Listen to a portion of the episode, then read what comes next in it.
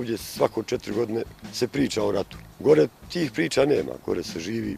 To je propast za državu. Kao, kao kad ode jedina sin od oca. Šteta je, pogotovo ovi naučnici, doktori, budući i tako dalje, sve ide vani. Normalno da recimo Hrvati ideju u Sloveniju, onda Slovenci ideju u Austriju. Mislim da to nije dobro. Ja isto imam djecu. Nemam argumenta da im kažem da, da, da jednostavno žive, jer više i to i domoljublje i sve to fraza. Puno više se radi nego u nas. Nemaš baš nekog vremena za odmor, ali isto tako taj rad dobro plaćen.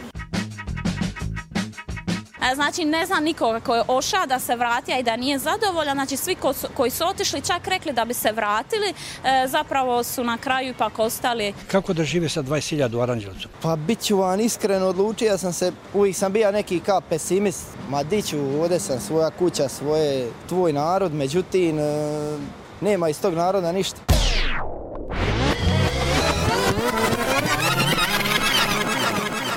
Radio Karantin. Dobrodošli u novi Radio Karantin. Moje ime je Jelena Fischer.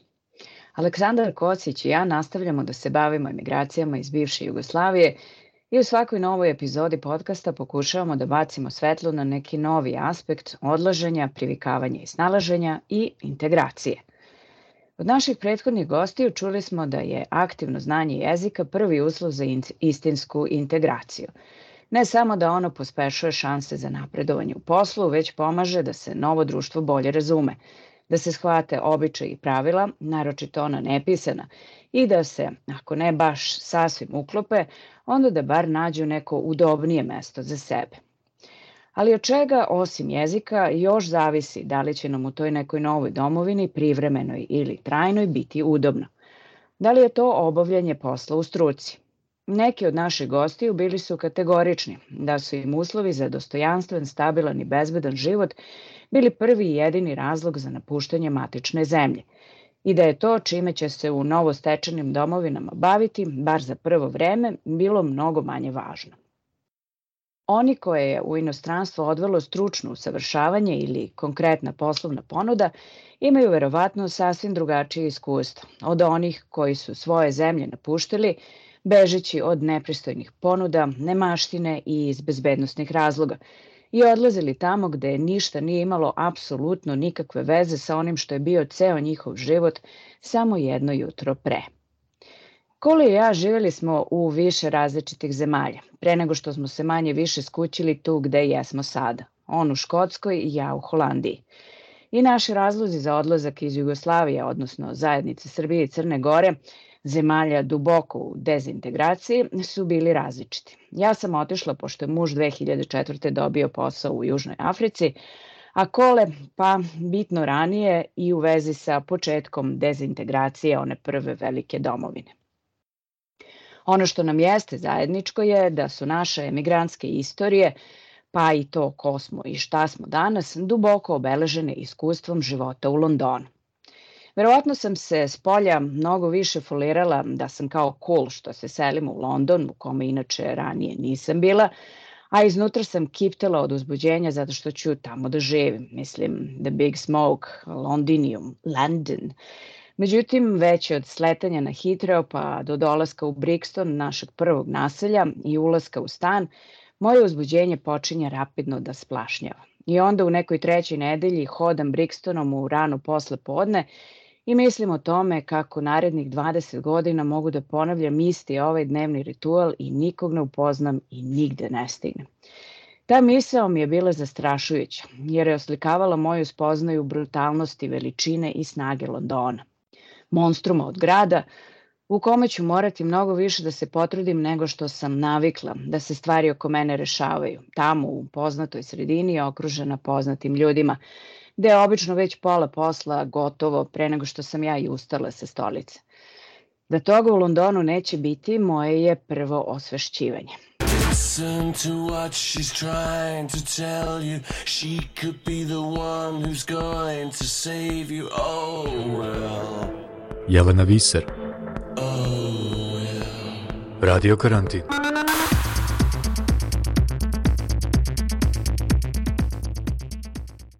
Kole, ti si u Londonu bio i pre nego što si u njemu počeo da živiš i o tome smo pričali u našem prvom emigrantskom karantinu. Reci mi ipak kakav ti je utisak bio nakon prvih nedelja hodanja, života tamo? Um, da li ti grad daje ili te uzima? Ja mislim da je meni grad puno davao i moj prvi utisak o Londonu je bio, i to će sad da zvuči, znam, jako smešno i banalno, mirisi. Uh, pre svega miris benzina. Jer, Ima ga. ima ga. Ne mora da se presipa. I da li zato što su već tada masovno vozili bezolovne ili šta, nemam pojma. Uglavnom, sve je nekako drugačije mirisalo na ulicama.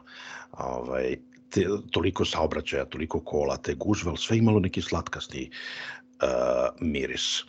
I uh, meni je London bio ono, u, u kom smislu puno daje.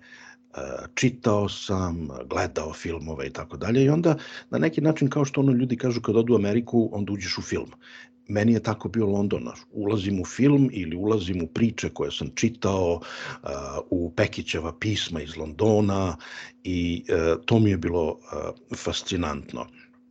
Imao sam jako veliku želju da otkrivam grad, jako veliku želju da se muvam u svakom slobodnom trenutku svuda i boga mi sam se nahodao po tom Londonu ko bez glave, ali vredelo je I, i mislim da sam dosta dobro nakon svih godina tamo dosta dobro uh, upoznao grad. Uzima takođe puno, jer je veliki i samim tim uh, kretanje, socijalni život i tako dalje, sve to ide malo teže u tako velikom gradu. Sve mora dobro da se planira, imam i dan danas, nećeš verovati, ponekada noćne more kako kasnim na posao, a radio sam na radiju, tako da kašnjenje ne dolazi u obzir. I ostalo mi je to jao, ne radi metro, kašnim, ne, ne znam, zatvorili su stanicu zbog, a, obično se kaže ono problem sa signalizacijom, a u suštini verovatno je bomba i onda ovaj, to mi je ostalo, eto, kao noćna mora, gužve i, i stalno neko ono kašnjenje. Meni je kad si spomenuo mirise, meni je prva fascinantna stvar bila kad sam sišla taj neki prvi put, jedan od prvih vikenda, petak večer, sećam se, sišla sam u podzemnu, takozvani tube i nailazi voz i sad a, voz koji se još ne vidi, ali se čuje i potiskuje vazduh. Ove, I gužva je, to je bilo recimo negde 10 sati uveče, gužva je velika, a, svi se vraćaju iz tih nekih ono pubova, u pubove se ide petkom posle posla i kako voz nailazi potiskuje taj vazduh, tako mene zapahnjuje miris alkohola koji se širi tom podzemnom. Ono. E to je moj prvi, ako bih ti pričala o mirisima Londone, to je moja prva priča, moja prva asocijacija u vezi sa um, mirisom Londona. Da, pa ima i ono, ne znam da li si ti to zatekla, e, dok je bilo dozvoljeno pušenje u autobusima. Nisam. I onda ovaj, bilo je dozvoljeno u double deckerima gore na spratu, u, u drugoj polovini, u zadnjoj polovini autobusa gore je moglo da se puši. I boga mi to ako ovaj ostaneš uh, uveče kasnije pa uh, ideš na ovaj noćni autobus, to je onda gore uh, žurka jer naravno svi su ovaj, pod gasom, pa se smota šta se smota, ili zapale cigarete i tako dalje, tako da ovaj, i to su bili onako neobični uh, mirisi i uopšte taj sloboda da može u autobusu da se puši, meni je to bilo, pošto sam u to vreme pušio, meni to bilo fascinantno. Pa si pušio gore? pa, apsolutno, kako da ne. To je bilo uživanje, ono, sedneš i kao, ako se ne žuriš, sedneš gore, razgledaš, imaš praktično ono za male pare možeš da razgledaš grad, ovaj, poneseš uh, nešto za piće i zapališ cigaru i super. I uživaš na prvom spratu autobus. Da. Nije, ja sam zatekla pepeljare su samo još bile ostale, to su valjda ovi kao autobusi koji još nisu preradili do kraja. Ove, ja sam 2006. krajem 2005. Dve, početkom 2006. tamo stigla, tako da pušenje bilo već zabranjeno i u pubovima. Uredno smo izlazili ispred pubova da pušemo. Radio karantin. E, a u tom hodanju koje sam malo prespomenula, nabasala sam bila na neki charity shop i tamo na knjigu čime je naslov Kuhinja prvo privukao, a onda i ime autorke, Banana Yoshimoto. E, tek posle sam skapirala da je banana zapravo literarna faca, ali mi je pronalaženje te knjige bila neka simbolična mini prekretnica. Um, potpuno sam se oduševila njenim stilom i a, pisanja i temom i našla utehu u melanholiji i usamljenosti koja se provlači kroz sve njene knjige. I uz tu knjigu sam počela da se otvaram prema nekim novim mogućnostima, recimo ideji da bih volela da radim u knjižari ili u antikvarnici recimo. Ono drugo, važnije i pragmatičnije otvaranje koje mi se desilo je spoznaja da bih, osim konvencionalnog javljanja na oglase i slanja rezimea, ja sad trebalo kao nešto i da krenem da obilazim sva ta mesta u kojima mislim da bih volela da radim i ono, dobar dan, dobar dan, tražim posao, imate nešto, izvolite moj CV. Takav način traženja posla za mene bio potpuno nov i malo strašan. Ovo otvaranje posebno naglašavam jer je brzo bilo jasno da posla za mene u medijima, nevladinim organizacijama, kulturnim ustanovama neće biti, bar ne u prvo vreme. Tvoja priča u tom smislu zanimljiva i drugačija. Ti si ono, s aerodroma negde stigo na neko zanimljivo mesto. Manje više, da. Meni je, uh, ja sam, mislim da sam to već pričao, ja sam radio u uh, indijskoj prodavnici uh, na Oxford Streetu, prodavali smo one indijsku garderobu i one suvenir uh, majice za turiste i ovaj, I onda sam honorarno počeo da radim u BBC-u i posle par meseci su mi ponudili i posao, tako da ovaj, sve se desilo nekako jako brzo i praktično sam bio jako zatečen i naravno oduševljen tom prilikom, eh, tom šansom koja mi se ukazala. Ali sam uh, radio i u knjižari. Jesi ti radila u knjižari? Da, radila sam u knjižari znači, sam na kraju. Ostvarila mi se želja i to ne tako o, dugo posle tog lutanja s bananom još je moto u glavi. A, da. I, I je bilo i, lepo. Pa to je recimo posle radijskog posla, možda do sada, jedan od najlepših, najlepših poslova koje sam radila. Sad onako uh, rizikujem da krenem sa name dropping, ono, masovno, ali je fenomenalno bilo. Znači, koje su tu face nama prolazile kroz tu knjižaru, jer je bilo u super kraju a, u Islingtonu, a, gde se dešava mnogo stvari, tu je u blizini Guardian, tu su, ovaj, to je rezidencijalni kraj, Boris Johnson nam je bio komšija i tu i tamo nam se pojavljivao. Znači, svi su mi prošli kroz knjižaru, i Triki, i a, Nene Cherry, i malo udilo neko, a, a, ovaj, Bobby Gillespie iz Primal Screama nam je bio inventor, ono, gde svi, Bobby, ajde pomeri se, moram prašinu da skinem, pošto on znao tako i da sednem između police, tako da je bilo baš, baš lepo, ono, kao rock and roll u knjižari, to, to. I ekipa mi je bila neviđena, da. Ja sam radio honorarno, um, trebalo mi ekstra love, jer tad nisam imao puno radno vreme u BBC-u u jednom periodu i onda sam radio u lancu polovnih knjižara i prodavnica ploča na Notting Hillu. Bilo ih i drugde po gradu, ali najviše ih je bilo na Notting Hillu i tamo prema, prema onom Portobello Road. Roadu, gde je famozna mm. pijaca koju svi turisti naravno ovaj, posete kad dođu u London.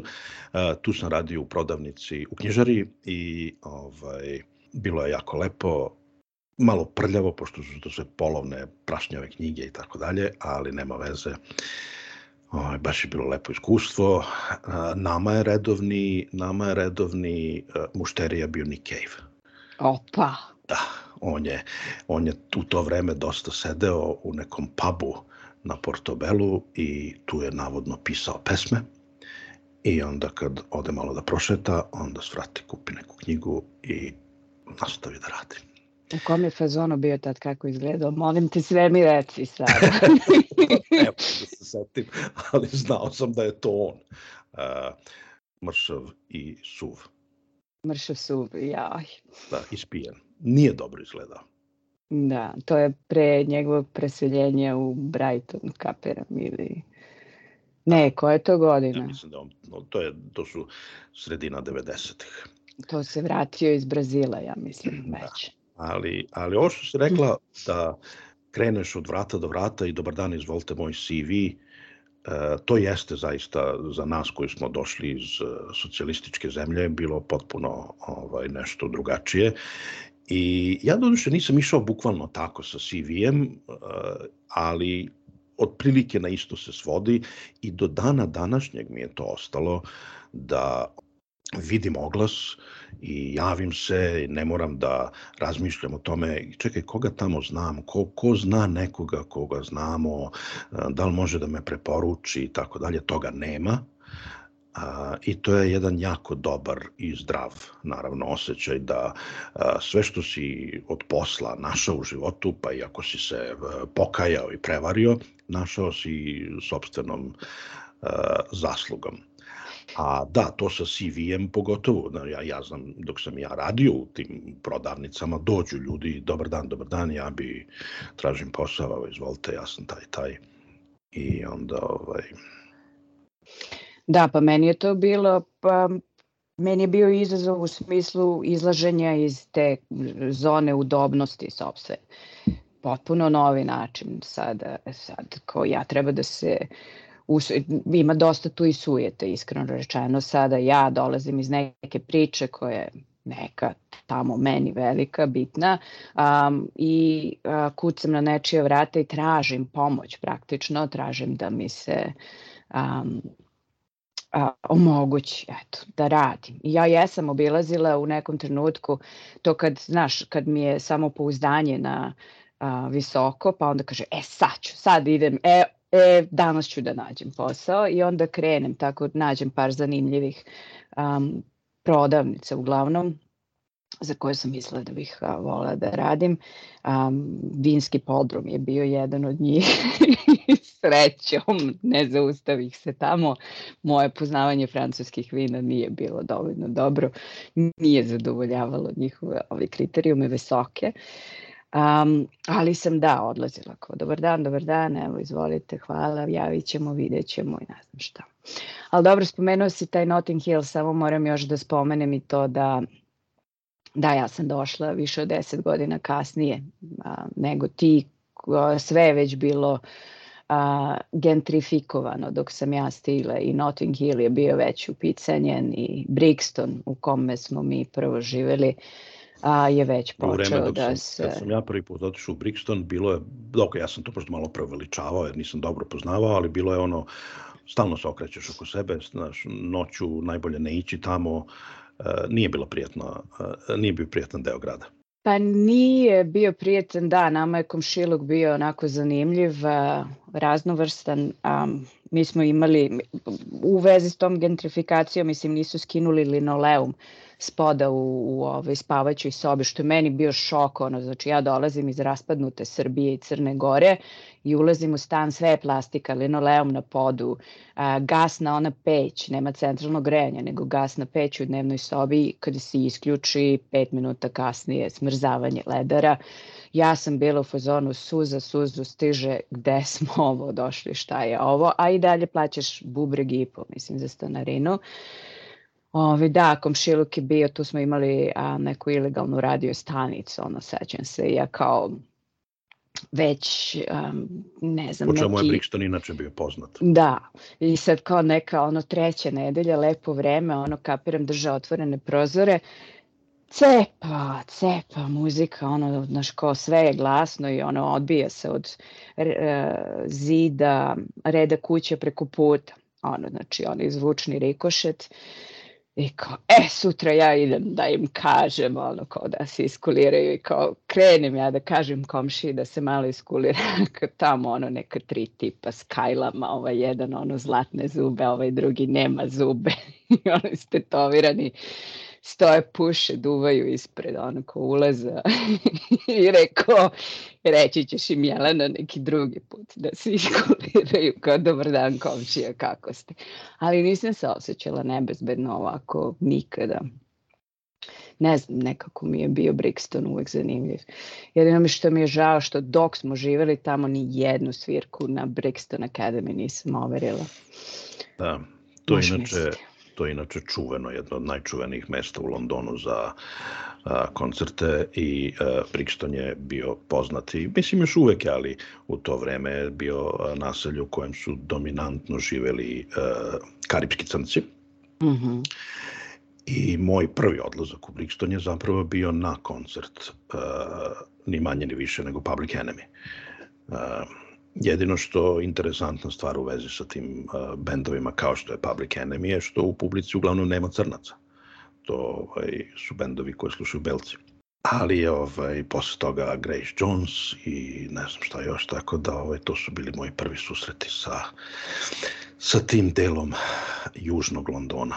Da. I to inače jedna od meni e, neobičnih stvari po dolasku u London je što odmah vrlo brzo naučiš gde je južni deo grada, gde je severni, šta je, što ja živeći u Pančevu ili svejedno u Beogradu, nikad u životu, ni sad, ni dan danas ne bi znao gde je južni Beograd.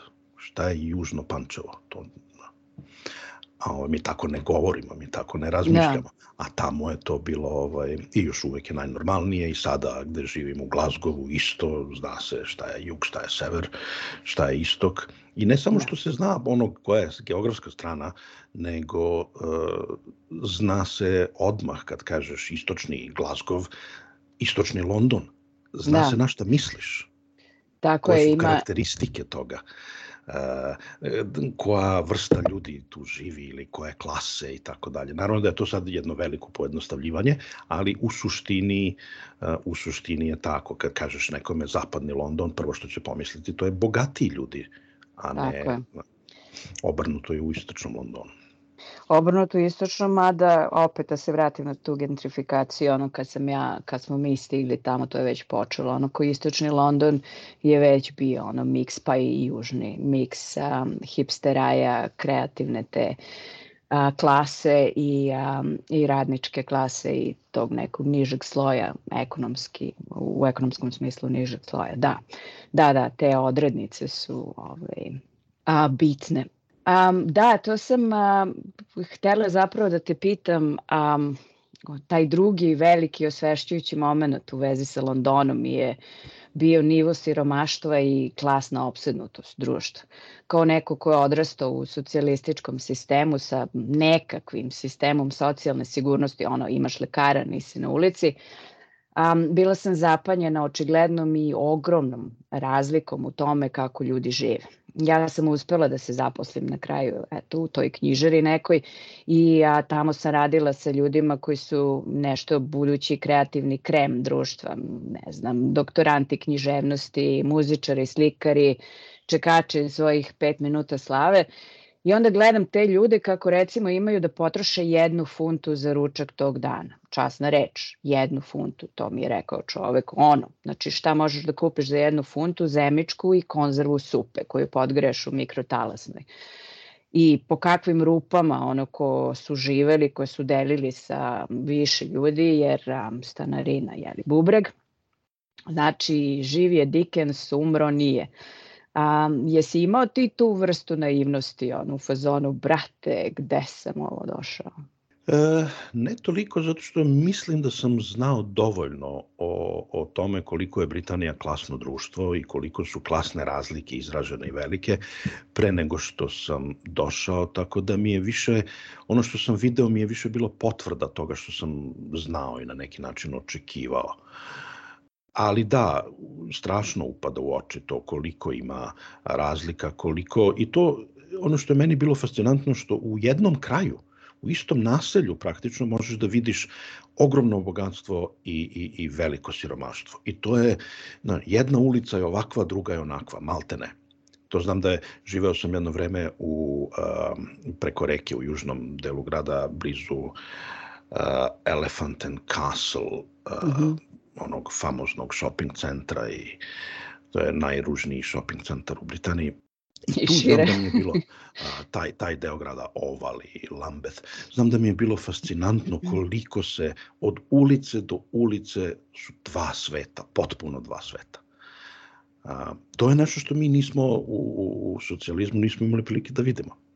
I koliko taj, a, sad ja ono, guram tu priču o gentrifikaciji, koliko to bogatstvo gura i to ti vidiš, ono to se kreće pred tobom, koliko gura istiskuje um, te niže slojeve, niže klase ekonomski iz iz a, te ulice u kojoj si ti, u kojoj živiš i ono vidiš da se, da se a, struktura a, ekonomska struktura te ulice promenila od a, početka kad si ti stigao u nju i ne znam, nekih godinu i po dana kasnije ovaj, da, da su ti neki niže slojevi ekonomski potisnuti dalje ka periferiji i istisnuti iz tih nekih krajeva.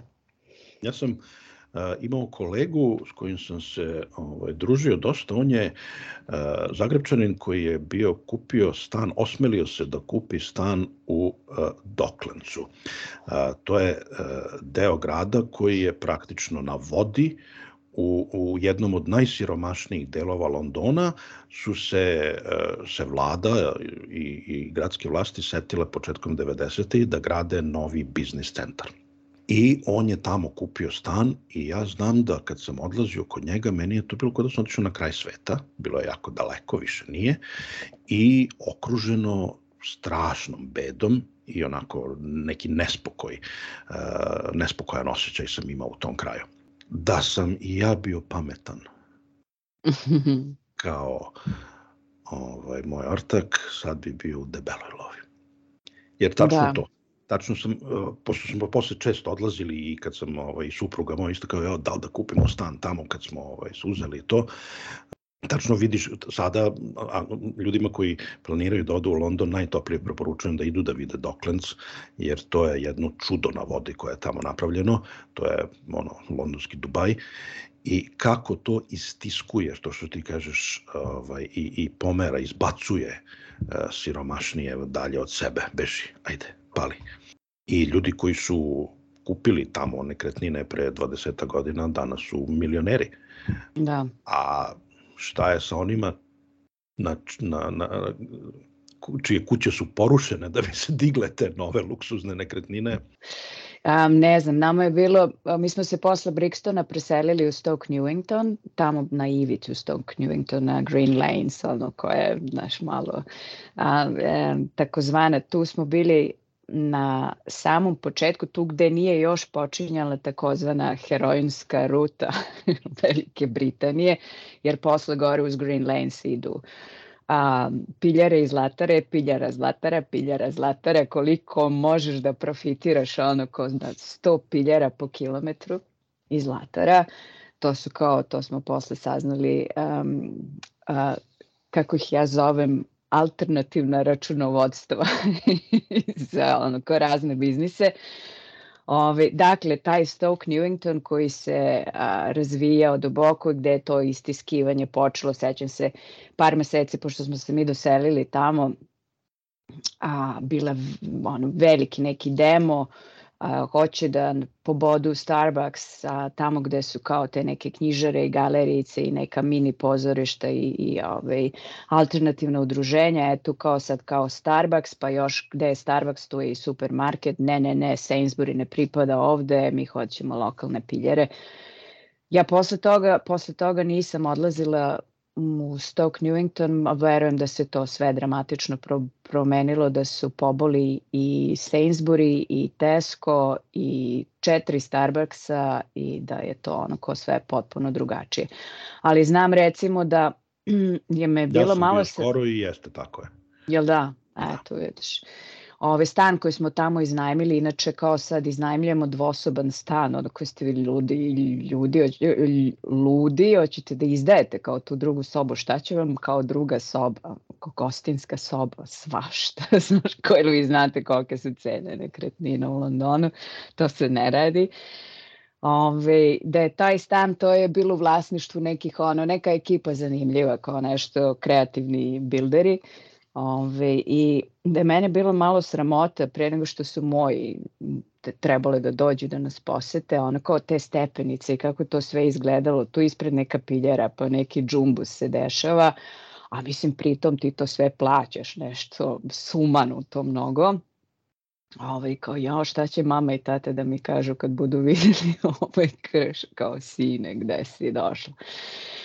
Dakle, u tom Londonu sam a, prvi put osetila stvarni strah od a, ekonomske nesigurnosti, čak i kao neko ko je proživeo brutalni raspad zemlje na, na svim nivoima, a živeli smo, a, mislim, tamo relativno pristojno.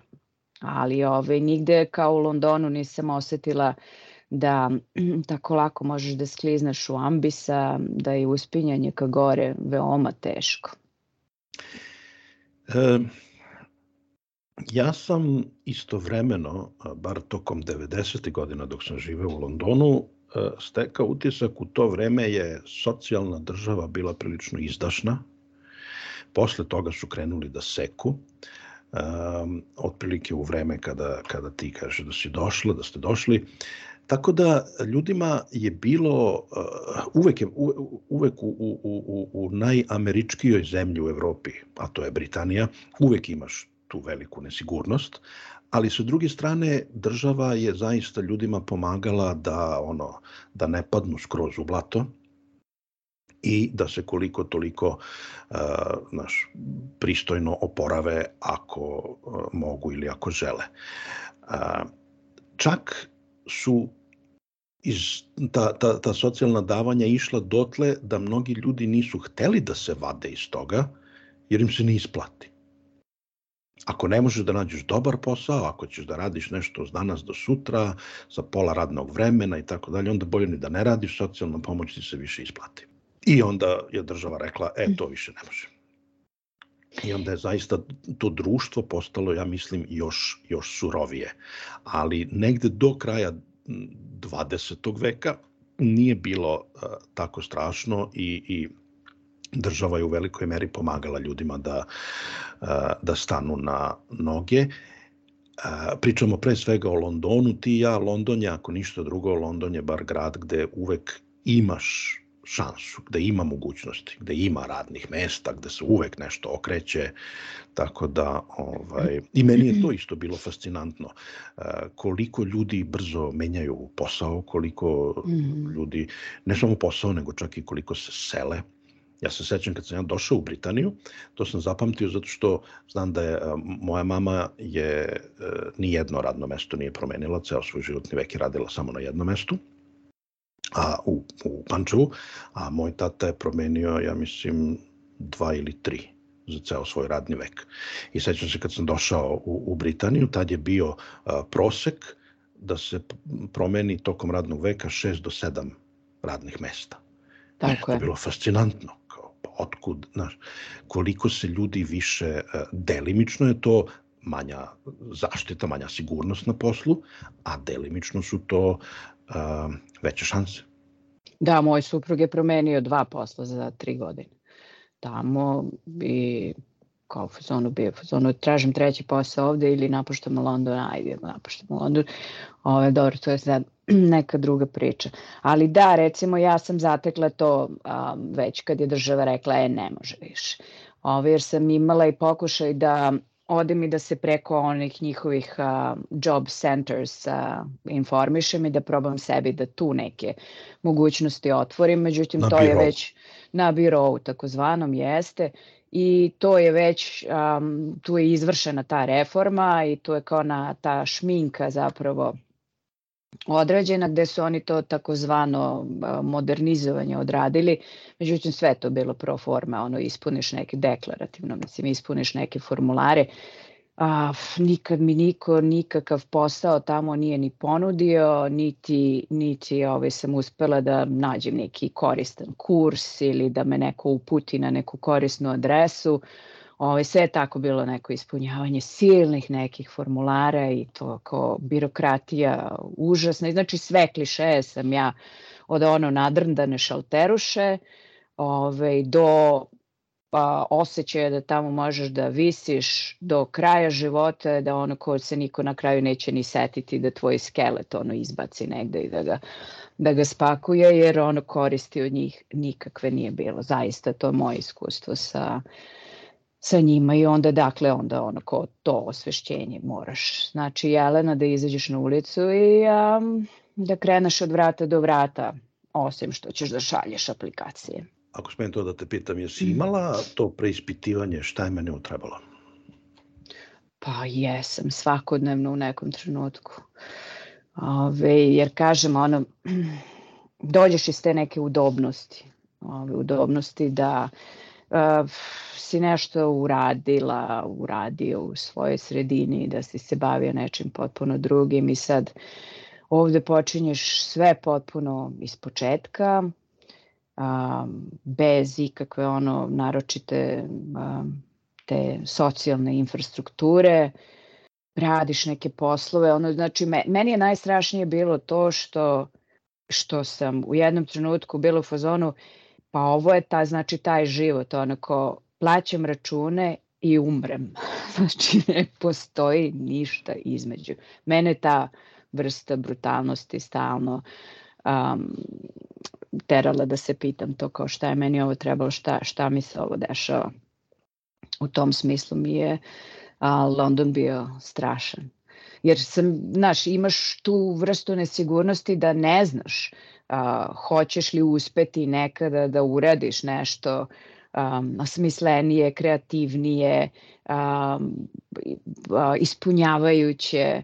A, ja sam tek posle, naravno u toj knjižari su se otvorile razne druge mogućnosti, posle sam ja tamo postala i menadžer i ovaj, a, imala posle nekih par dobrih a, drugih intervjua u, ne znam, u izdavačkoj kući, u nevladinoj organizaciji i a, može, znači kreneš napred, ali taj neki, dok, dok te stvari ne počnu da se dešavaju, živiš tu zaista neizvesnost i tu užasnu prazninu, ono to užasno sivilo, to zaista um, nisi siguran da će ti se a, mogućnosti otvoriti.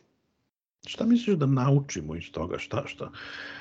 Ja mislim najvažnija stvar koju sam naučila je važnost da se, da se menjaš kao čovek, da se menjaš kao ličnost, da je, da je užasno opasno to ubeđenje a, a, da je vrlina ostati isti, o, ostati dosledan istim stvarima i tim nekim ubeđenjima.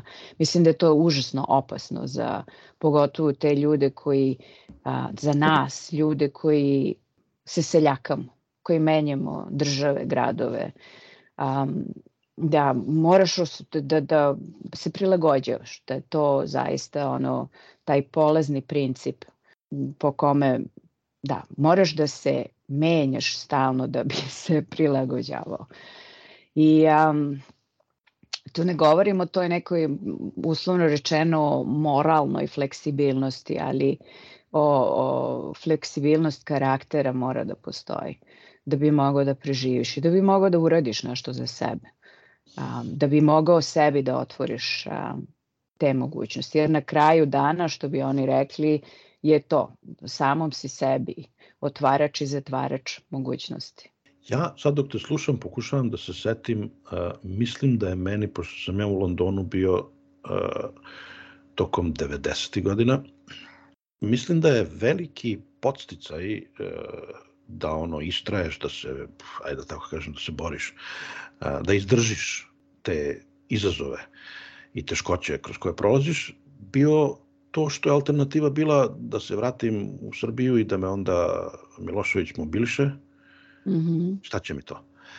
A, I onda mi to ostalo, znaš, koliko je, koliko je ono odakle si otišao dodatni motivacioni faktor. Meni je najveći motivacioni faktor, ja mislim, u Londonu bilo to što sam ja video svetlo, što sam ja video put dalje, bolje, više. Ali istovremeno sam znao da alternativa nije nešto što želim, nije dobro. Tako da to onda i to, znaš, da to pomaže. Tako je. I ja pogotovo, mislim, mene da to povezivanje sa našima um, nikad nije ono preterano zanimalo, nisam se u tom smislu nigde ni pre ni posle umrežavala i um, na kraju sam se pobrinula sama jeli, za, za te neke svoje a, poslovne a, mogućnosti i prospekte I dakle da, to je to što s jedne strane jeste zastrašujuće to biti sam, ali s druge strane imaš tu mogućnost da a, da osetiš da ti je svet na dlanu, ono ko the world is your, uh, your oyster, što bi oni rekli. I to je lepota života tamo. To je veličina Londona. To što si malo pre sam rekao, da uvek postoji neka šansa, nećeš baš, a, osim ako nisi ono krajnje samodestruktivan, a, postoji šansa uvek da se negde, negde skućiš, negde nađeš. Čak i u toj usamljenosti, u toj a, u tom beskonačnom lutanju, osjećaju lutanja, ove, postoje mogućnosti. I sada ne pričamo o svim tim mogućnostima, sedneš gore na autobus pa kreneš, ulazi u muzeje su besplatni. Svirke nisu bile tako skupe, bar se ja ne sećam da su, da su koncertne karte bile a, mnogo skupe i uvek po ono nekom pubu ovaj, možeš da natrčiš na nešto zanimljivo. Meni je recimo koleginica bila a, Kalavel, Kalavel koja je sada ovaj, dobitnica silnih nekih nagrada ovaj, i koautorke ovog nekog hita ovoga Ed Sheerana. Ono Ed Sheeran su a, ortaci ovaj, i sad ja tako gledam, znaš kao skidamo prašinu sa tih knjiga i tako to i ona kao, ej imam svirku večeras u pubu, hoćete da dođete, aj dođite posle posla, znaš kao da me podržite, sad kao mi smo ispunjavači stolica, ono praznih mesta, jej, po pubu Evo je sad Carlo Velo, ono super je, mega zvezda. Dakle, i toga ima u Londonu, ono, znači ta, ta mogućnost bliskog susreta sa svim tim nekim stvarima koje su ti naročito uzbudljive. I mislim, meni su još uvek važne, neizmerno, ovaj, ali, ali tada pogotovo fasciniranost u tom smislu. Anegdotu malo za kraj. Ja nisam imao mnogo direktnih kontakata sa sistemom, sa institucijama, sa birom za zapošljavanje i slično, ali sam imao jedno vreme sticajem okolnosti u ovaj, pomagao sam nekim zemljacima koji nisu govorili engleski da se snađu ovaj, i da izvuku od države sve što se može izvući, tako da sam dosta vremena provodio u socijalnom baš u, ovaj, u Brixtonu. I tu sam čuo onu famoznu uh, frazu za koju sam znao od ranije i mislio sam da je to samo ono urbani mit where's my fucking gyra a to je ono kad, kad uh, besan nezaposleni dođe u socijalno i, i pita gde je moja socijalna pomoć.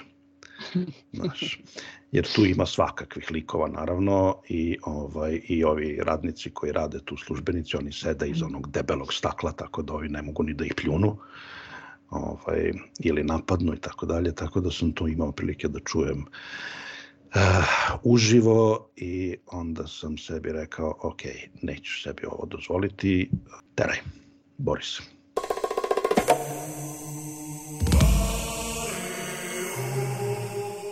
Da, pričat ćemo još o tim raznim gradovima i zemljama koje um, prođe smo i u kojima prožive smo a za sada odjavimo ovaj radio karantin i da najavimo da ćemo do kraja meseca a, još pričati a, sa različitim gostima o traženju posla i a, mukama i radostima u vezi sa tim, snalaženjima i da vam kažemo, da vas podsjetimo da je podcast Radio Karantin sada i na Spotify-u, čime smo pokrili sve važne platforme na kojima možete da nas slušate i da na našem sajtu radiokarantin.eu možete da čitate i slušate sve naše emisije, uključujući i one prethodne serijale.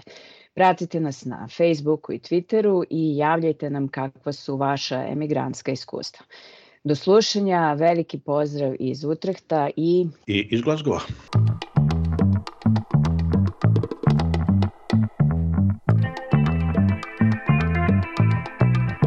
Radio Karantin